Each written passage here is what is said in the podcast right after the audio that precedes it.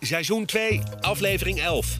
In gesprek met Diago Houthof, chroniqueur van de Rotterdamse boksgeschiedenis. Eh, de boxposters die, die daar eh, hingen. Wat zijn, wie zijn die mensen nou eigenlijk? Die allemaal op Ja. de posters staan. En eh, wa- wa- waar komen ze vandaan? En ja, zo ben ik eigenlijk begonnen om, om eh, dingen te, Ja. te verzamelen en me erin eh, te gaan eh, verdiepen.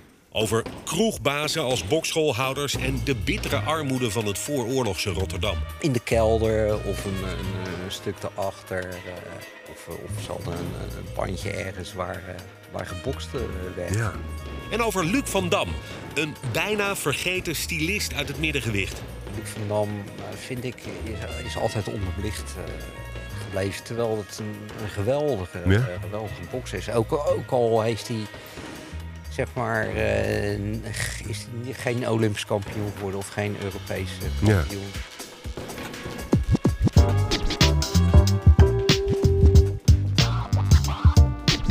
Je luistert naar Boksouwen, de podcast over boksen. Mijn naam is Bart Slim en in deze aflevering praat ik met Diago Houthof. Een wandelende encyclopedie van de Rotterdamse boksgeschiedenis. Een fanatiek verzamelaar van prachtig historisch materiaal over de roemruchte boksgeschiedenis van de havenstad. Rotterdam is natuurlijk de bokstad bij uitstek. De enige Nederlandse Olympisch kampioen boksen, Beb van Klaveren, was een ras Rotterdammer. Maar ook Regilio Tuur, Don Diego Poeder en later Noeska Fontijn. Allemaal zijn ze afkomstig uit het Rotterdamse. Luc van Dam, een bokser die in de schaduw van zijn grote idool Beb van Klaveren carrière maakte, groeide op onder de rook van de havenstad. En ook over hem gaat het in deze aflevering van Boksouwe, waarin ik dus praat met Diago Houthof, bij wie de liefde voor de boksport al op jonge leeftijd begon. Op een eh, camping in het Duinrand, camping Duinrand heette die in Burghaamstede.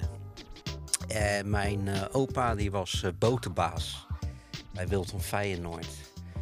En op een gegeven ogenblik kwam daar ook eh, Piet Bot te staan. Piet Bot, eh, dat is eh, zeg maar de, de schoonvader van Aad Jansen, ook een bekende bokser uit, uit Rotterdam.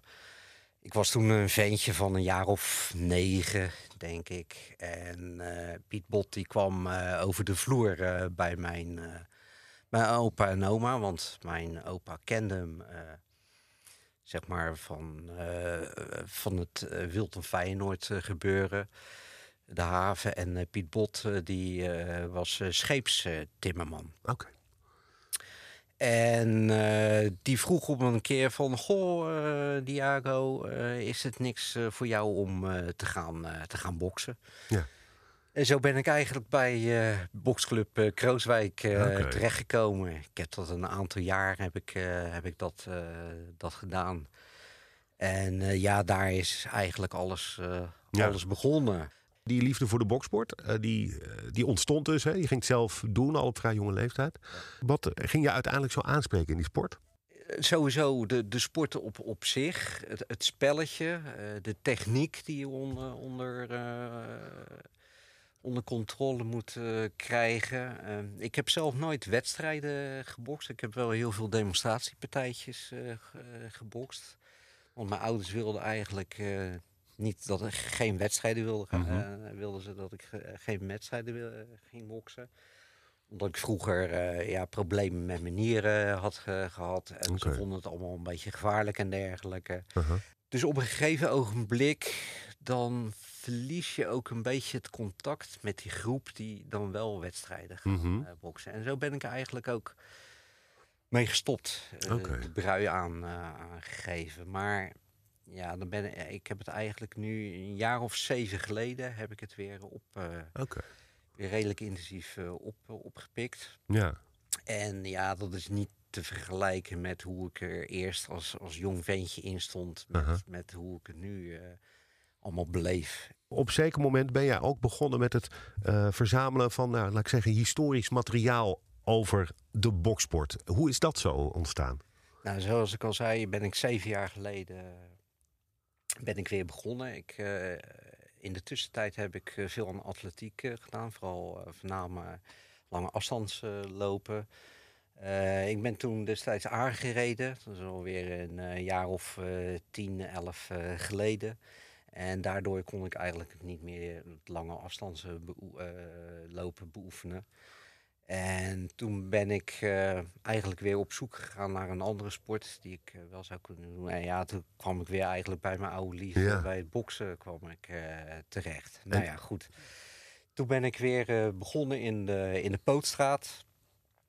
En daar had je een, een club, de Dutch Windmills, van allerlei oud, oud boxers ik was eigenlijk, moest je, moest je een bepaalde leeftijd, moest je daarvoor hebben om mee te doen. Maar ik mocht toch uh, meedoen met die gasten.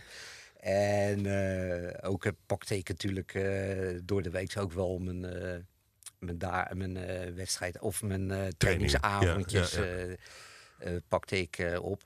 En toen, ja, toen merkte ik eigenlijk wat voor mooie verhalen die oude lui allemaal hadden. En ook, ook uh, de boxposters die, die daar uh, hingen, waarvan ik vroeger ja, gewoon loos gewoon voorbij liep. Maar wat zijn, wie zijn die mensen nou eigenlijk die allemaal op de posters staan? En waar komen ze vandaan? En ja, zo ben ik eigenlijk begonnen om, om eh, dingen te, te verzamelen en me erin eh, te gaan uh, verdiepen. En, en uh, inmiddels heb jij volgens mij al een behoorlijk archief aangelegd. ja, je bent eigenlijk een soort chroniqueur, hè? een soort amateur boxhistoricus.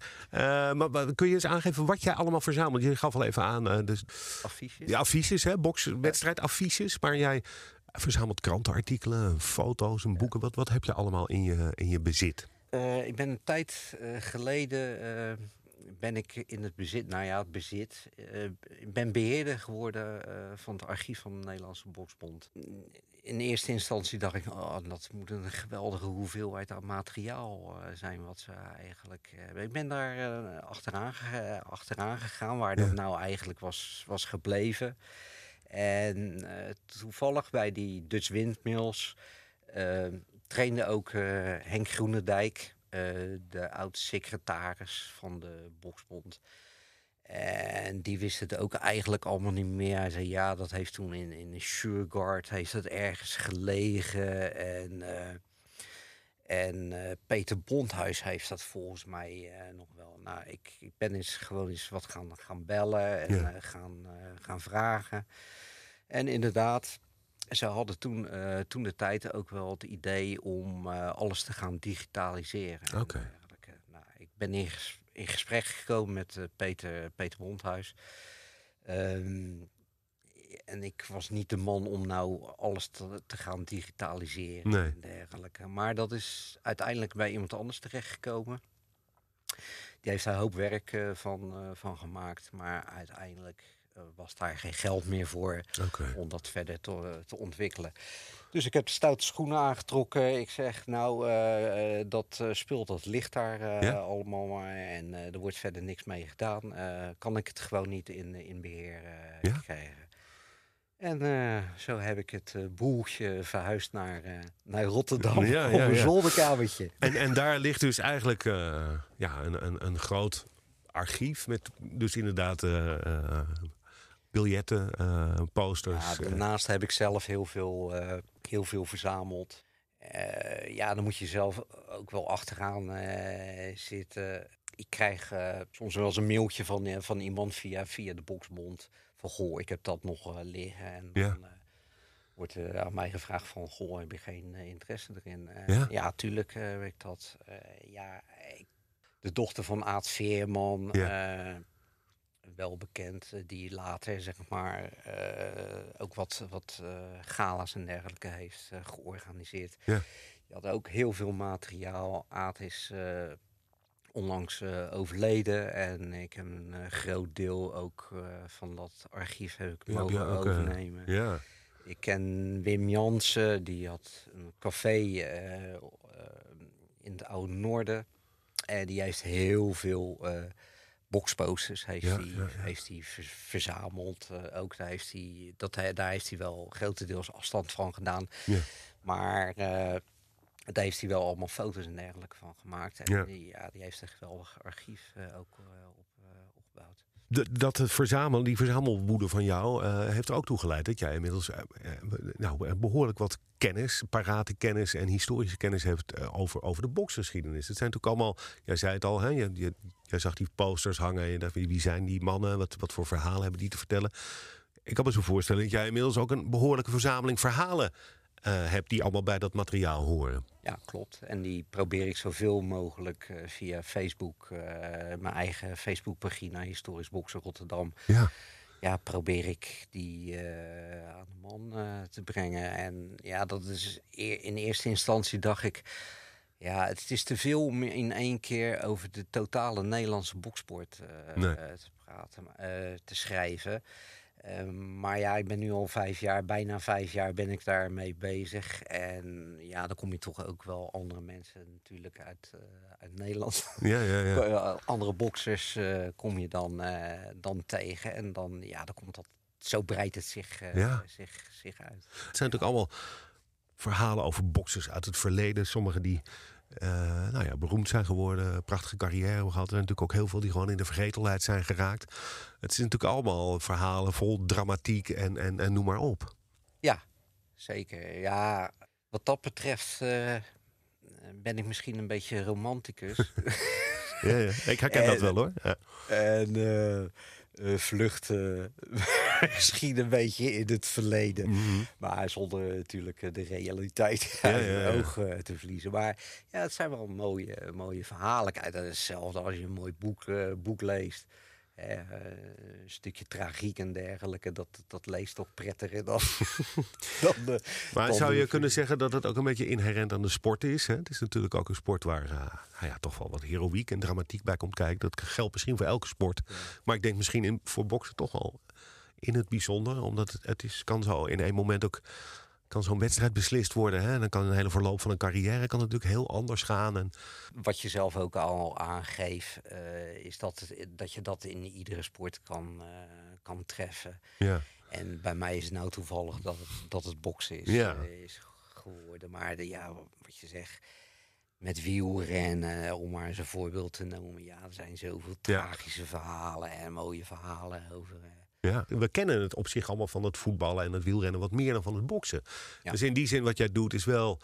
eh, Ik vind de aandacht voor het boksen in Nederland bijvoorbeeld best wel de- karig, weet je wel. Ja. Laatst prachtige partij Joshua uh, Usyk. Nou, dan moet je anderhalve dag wachten voordat er op de NOS een keer een artikel verschijnt, snap je? ja, ja. En dat geldt natuurlijk ook nog wel voor de geschiedenis van de boksport. Terwijl eh, ja, de, Nederland heeft prachtige boksers voortgebracht. En, en hoe jij eh, bent uit het Rotterdamse. eh, die Rotterdamse boksgeschiedenis, dat, is, dat neemt dan nog een bijzondere positie in dat hele verhaal in. Want wat, wat maakt voor jou die Rotterdamse boksgeschiedenis zo interessant? Ja, het mooie ervan is dat als je die boxers eh, nagaat waar ze vandaan komen, dan kom je ook heel veel historische stukken tegen over Rotterdam zelf. wa- Wat ik ook eh, bijzonder eh, mooi Ja. vind. En, en dat, dat, dat trekt mij om, Ja. om, om, dat allemaal te koppelen aan elkaar. Eh, als je ziet hoe eh, in het verleden jaar het Rotterdamse boksen, eh, zoals ik het zo mag eh, noemen, is ontstaan. Eh, in de Zandstraatbuurt, in de buurt achter het, eh, achter het stadhuis. Ja, dat is gewoon, als je daar ook de, de plaatjes dan Ja. eh, bij ziet, hoe, hoe dat eruit zag eh, vroeger. Wat een enorme armoede en, Ja. en, en, enzovoort. Ja. Dan vind ik dat gewoon, vind, vind ik dat mooi. Maar Rotterdam is in die zin denk ik ook wel eh, ja, de bokstad van Nederland. Hè? Bedoel, Ja. Het heeft natuurlijk, nou ja, de meest recent nog Noeska Fontijn voortgebracht, ook uit het Rotterdamse. Als je iets verder terug gaat, Don Diego Poeder en Ja. Regilio Tuur. Beb van Klaveren, natuurlijk, hè? De, de, de enige eh, Nederlandse bokser die ooit eh, Olympisch goud heeft gewonnen. Ja, misschien is het een beetje psychologie van de koude grond. Maar eh, is dat toeval dat die allemaal uit Rotterdam komen? Zit daar iets in het water? In het mooie Maaswater. In het mooie Maaswater? Nou, eh, zeker als je. eh, ik weet niet voor, voor de, de huidige generatie of dat nog eh, geldt. Maar je ziet, ziet wel dat je eh, een stukje armoede. eh, destijds. eh, je de kans, door het boksen, je de kans gaf om, om wat centjes Ja. te verdienen. En ja, Rotterdam had ook natuurlijk de mazzel, de mazzel kan noemen, om, om een belangrijke stad te zijn eh, tijdens de, Eerste Wereldoorlog. En daardoor kwamen heel veel Engelse ge- eh, eh, geallieerden en, en Belgische vluchtelingen. die kwamen naar, naar Rotterdam toe. Plus, ja, je kreeg toen destijds het, het boksverbod. Ik meen in 1922 of iets. Ja, 1922 zal het geweest zijn. En, en het boksen ging in Rotterdam ging gewoon door. Want eh, heel voor mij, ik ken dat verhaal niet. Er is op een zeker moment een boksverbod in Nederland ingevoerd. Mocht- Ja. Het sport mocht niet meer beoefend worden. Ja, klopt. En, en wat was de reden daarvoor? Eh, dat was eh, de dood van eh, Dirk Romme. was dat. Ja, die is toen in, in Scheveningen is die, ja, door het boksen is die, is die verongelukt. Oké. En daardoor zeiden heel veel gemeenten in, eh, in Nederland van eh, ja, dat willen we, willen we, niet, eh, willen we niet hebben. Dus er werd een boksverbod ingevoerd. Maar in Rotterdam gingen ze gewoon door met boksen. Ja, ja omdat ja, de bestuurders op de hand waren. En, en Thea Huizenaar wist daar ook wel raad mee. om dat toch door te kunnen laten Ja. gaan. Eh, je vertelde net al even waar het Rotterdamse boksen eigenlijk echt ontstaan is. Ehm, dat je ook, je zei van nou, als ik dan die, beelden van vroeger zie, dan zie je ook die ontstellende armoede die er toen was. Eh, maar die bokscholen van toen, eh, ik ga ervan uit dat dat toch allemaal wat rauwer en wat, wat uitgekleder was dan nu. Ja, hoe, hoe zagen die bokscholen eruit? Nou, negen, negen van de tien bokscholen werden beheerd door eh kasteleins. Dus ze waren, allemaal, waren cafébazen. En die hadden daar vaak in de kelder of een, een, een stuk daarachter. eh of, of ze hadden een, een pandje ergens waar, eh, waar gebokst eh, werd. Ja. En dat, eh, ja, dat was allemaal erg eh, primitief. eh. Nou, dan, dan een, een provisorische eh, bokzak eh, en misschien wat eh, nou, ja, hele rudimentaire handschoenen. Ja. Een bitje hadden ze waarschijnlijk niet in, denk ik. Nee. Beetje touwtjes springen, een beetje sparren. Ja. Maar wel back to basics dus. Ja. Ja, Knotsen werden ook veel eh, gebruikt. Oké. En, die, dan, om ja, je- la- iets later weer, maar... en wat, wat deden ze met die knotsen dan? Ja, bepaalde oefeningen die je tegenwoordig helemaal niet meer, eh, niet meer eh, ziet. Ja, ik ben er ook verder niet. Nee, nee, nee. niet Maar dat werd, ik, ik kan me voorstellen, dat werd dan gebruid om, om, om aan je verdediging ja, te schaven. ja. Dus dan werd je met een knots bewerkt en dan moest je... Nee, nee, dat niet zozeer Ah, hoor. Maar het, eh, het was meer eh, een beetje hand-oog-coördinatie. Oh, op die ik, manier. Ja, eh, ja, ja. ja. Ah, oké. Wauw. De bokser Luc van Dam is gereed voor zijn wedstrijd tegen de Algerijn Kit Marcel. De Nederlandse boksliefhebbers, waarvan er 2000 in de Haagse dierentuin zitten, zien met belangstelling Van Dams heroptreden tegemoet. Er zijn natuurlijk eh, honderdduizend verhalen te vertellen. Achter elke poster en eh, affiche en achter elk krantenartikel of eh, elke foto. Ik dacht van ja, maar misschien kunnen we het toespitsen of inzoomen op, op één eh, bijzonder verhaal, één bepaalde bokser. Ehm, en toen mailde jij me terug van nou, ik zou graag een lans willen breken voor Luc van Dam. Ja. Ehm, nou, ik, ik weet een beetje iets van de boksgeschiedenis, veel minder dan jij. Eh, maar laten we eens het verhaal van Luc van Dam er eens uitlichten. Ja. Wie, wie was Luc van Dam? Eh, Luc van Dam eh, die is geboren in, eh, in 1920 op de Goudse Singel. Wordt nog steeds wel eens vermeld op eh, Wikipedia dat hij in Gouda is geboren. Maar waarschijnlijk komt dat door de verwarring Goudse Singel. Oh, op die manier. Maar ja, de Goudse ja, Singel eh, ligt in Rotterdam, net als eh, zeg maar de Schiedamse dijk in Rotterdam ligt en de Rotterdamse dijk in, Schiedam. Juist. Om het een beetje ingewikkeld te maken. Hij is geboren dan in eh, 1920. En Beffe Klaveren werd in 1928 werd hij Olympisch kampioen. En eh, hij eh, was daar bij, eh, tijdens de huldiging van, eh van Klaveren in de Nijto-hal destijds. Toen was hij een jaar of acht of negen. Ja, en wie had gedacht dat Luc van Dam 20 jaar later nog tegen Bef Verklaren. Dat vind ik al een mooi gegeven. prachtig. eh, in ieder geval. Luc van Dam eh, is toen eh, later bij, eh, door zijn broers Jan en Jan van Dam en Piet van Dam, die is die gaan boksen. Want zij deden het al veel langer dan hij. Luc van Dam was een, een, een, kind uit het tweede huwelijk van zijn moeder. En vandaar dat hij een stuk jonger was dan, dan zijn broers. Maar hij hoorde al die schitterende verhalen van zijn broers. Ehm, hij was nog zelfs tijdens een partij van zijn broer was hij onder, onder de ring gekropen. Want ja, je, je mocht, je moest 16 jaar of 18 jaar zijn, wilde je daar bij die wedstrijd zijn. Bij die wedstrijd zijn. En hij was eronder gekropen en vond het allemaal zo fantastisch. Dus ze hebben hem toen meegenomen naar Janus Riesmeijer heette die. En daar is hij eigenlijk begonnen met boksen. Oké. Uh, talent. Uh, het mooie ervan is ook dat hij destijds met Brams, met Leen Sanders bokste. En daar heeft hij zijn eerste Nederlandse kampioenschap heeft hij, tegen gebokst. En is hij Nederlands kampioen okay. geworden. En hoe oud was hij toen? Uh, hij, uh, dat is in 1940 is dat. Dus hij werd op zijn twintigste jaar okay. werd hij, uh, voor de eerste keer een Nederlands kampioen. En onze middengewichtkampioen begint uitstekend. Hij is agressief en snel en technisch zoveel beter dat hij zonder al te veel moeite de Algerijn in bedwang weet te houden. Van zijn blessure die hem tot enige maanden rust dwong, ondervindt hij geen hinder meer. Na zes ronden heeft Kit Marcel al een grote puntenachterstand. Hoe is de carrière van Luc van Dam daarna een beetje verlopen? Uh, ja, Luc van Dam heeft nooit eigenlijk uh, Europees kampioen is die, is die uh, geworden. Ehm, mede wat vaak mensen zeggen door, door zijn, zijn levenswijze. hij hield nog van een biertje en het was ook geen echte vechter. Hmm. Het was een hele technische, technische bokser. En hij heeft uh, toen uh, de eerste keer tegen Joep Besselman heeft hij in Duitsland heeft hij gebokst om het Europese kampioenschap. Daar heeft hij verloren.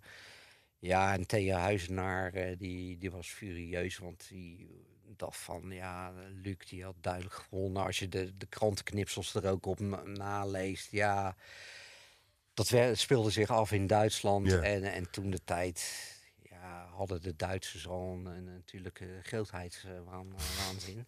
en toen, toen al. en uh, ja, 1940, begin van, van, de oorlog natuurlijk. Ja, probeer dan maar eens te winnen van ja. Duitsers in Duitsland. Uh, dat is hem uh, dus niet gelukt. Ehm, nou ja, hij is, later heeft hij nog twee keer tegen om een Europees kampioenschap uh, gebokst. En is hem uh, ook niet ge gelukt. Hij heeft toen uh, in 1956 was dat, wilde hij weer zijn rentree maken. moest opnieuw een licentie moest hij krijgen.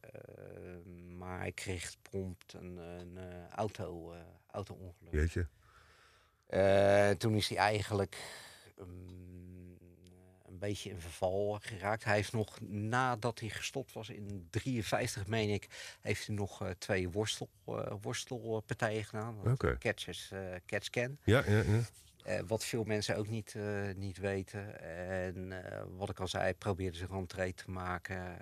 maar dat werd hem ook sterk afgeraden door een oud tegenstander van hem, waar hij uh, om de Europese kampioenschap tegen heeft gebokt, uh, gebokst. En dat was de, de Belg uh, Cyril Tarzan Delanois.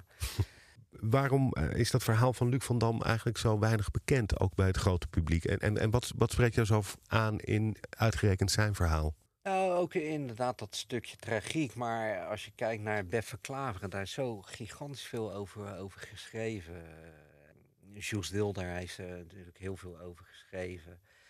En ehm, hij, hij, werd natuurlijk eh, ook uh, ja, door Aad Veerman werd hij eh, ook. En daardoor is dat allemaal een beetje gehyped. Nou ja, goed gehyped. Ik bedoel, ik, ik gun, het, gun het iedere bokser van harte. Ja. Uh, maar daardoor heeft uh, Luc van Dam, vind ik, is, is altijd onderbelicht uh, gebleven. Terwijl het een, een geweldige, Ja. geweldige bokser is. Ook, ook al heeft hij, zeg maar, is hij geen Olympisch kampioen geworden of geen Europese kampioen. Het is door allerlei omstandigheden heeft hij dat, ook, heeft hij dat misschien ook niet behaald. Ja, en dat, dat, dat vind ik het Ja. uh, jammer. Het, het, had, het had ook heel anders kunnen lopen met de carrière van Luc van Dam. Maar je gaf net even aan het begin van dit verhaal aan dat hij ooit nog dus tegen Beb van Klaveren heeft gebokst. Eh, De man die hij dus nou, op heel jonge leeftijd uh, zag boksen. Uh, en, en, wanneer heeft dat, dat gevecht plaatsgevonden? Dat was in 1947 uh, was dat, dat hij de eerste keer tegen, tegen Beb van Klaveren bokste. En dus ze hebben drie keer om Nederlandse kampioenschappen hebben ze toen gebokst. Oké. Okay. En uh, alle drie de partijen werden volgens mij uh, door oog, oogblessures werden die gewonnen of, uh, of verloren. Dus en, en, door wie werden wie, wie? De eerste keer won Bef van Klaven van okay. hem. En later twee keer heeft Luc, Luc van hem van hem gewonnen. Dus, dus ja. in de trilogie is het uh, 2-1 voor Luc van Dam. Uh, ja, ja, ja. Als de gong voor het laatst geklonken heeft, wordt Luc van Dam tot overwinnaar uitgeroepen.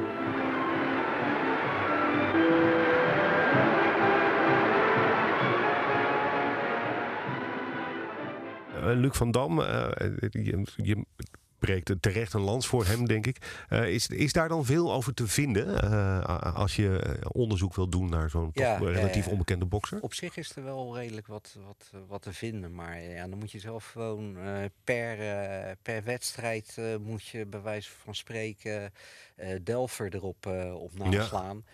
En dan tref je wel uh, wat aan. Je, je hebt ook nog wel, uh, er is wel het een en ander geschreven, ook uh, in, in de ring. Dat was een uitgave van de, van de Boksbond. En daar is ook nog wel het een en ander in. ja. in en, en hoe wordt er over zo'n Luc van Dam geschreven? Want jij zei het was, het was misschien niet een, een killer in de ring, maar wel een Nee. mooie, begaafde, technische Ja. bokser. En werd dat ook door de Ja, sportjournalisten als zodanig Ja, eh, ja, ja, gewaardeerd? Ja, Dat, dat zie je altijd, eh, altijd terug. Fantastisch eh, die, eh, die bokste eigenlijk. Ja. Maar ja, goed. eh, Hij liet, hij liet wat ik al zeg, hij was geen killer. En, en hij bokste toen tegen Pierre Doornbos. eh bokste die ook om een Nederlands kampioenschap. En toen liet hij het afweten volgens Huizenaar. Hij bokste, bokste zo dramatisch slecht. Ja. Hij won wel. Maar het was een stalgenoot eh, van hem. Dus hij had altijd wel eh, Mededogen. mededogen voor zijn Ah, ja. tegenstander. En vandaar ja, dat hij die killen. die- Nou ja, dat heeft ook iets nobels, toch? Dat je iemand uit je eigen stal eh, niet, niet wil beschadigen. Maar dat werd niet zo ervaren. Ja, het speelde natuurlijk ook wel andere dingen hoor, op de achtergrond. En dat ging voornamelijk om geld natuurlijk. Luc van Dam eh, was eh, toen getrouwd eh, ehm, eh, met zijn vrouw. En dat was een eh, ja, enorme handelsgeest. eh, Oké. Had hij een Joodse vrouw, Suzy van Dam.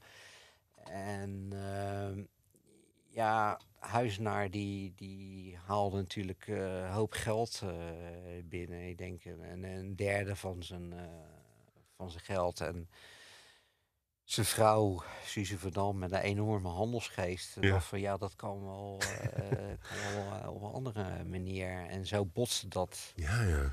Ik heb dat zelf allemaal een beetje zo Ja, onderzocht. eh, ik, ik weet niet of dat de, de, waarheid zal altijd wel. Nee, maar de- dat is wel een beetje wat je opmaakt uit de, de Ja, archieven. Ja, zeg maar. ja, ja. En hoe is deze Luc van Dam eh, geëindigd? In, in de volstrekte anonimiteit? Of hoe, eh? Ja, toch wel op het, eh, op het eind. Ik heb dan eh, ook een artikel heb ik je laten, laten zien eh, van dat hij dan eh, toch eh, in, bij Humanitas eh, zit.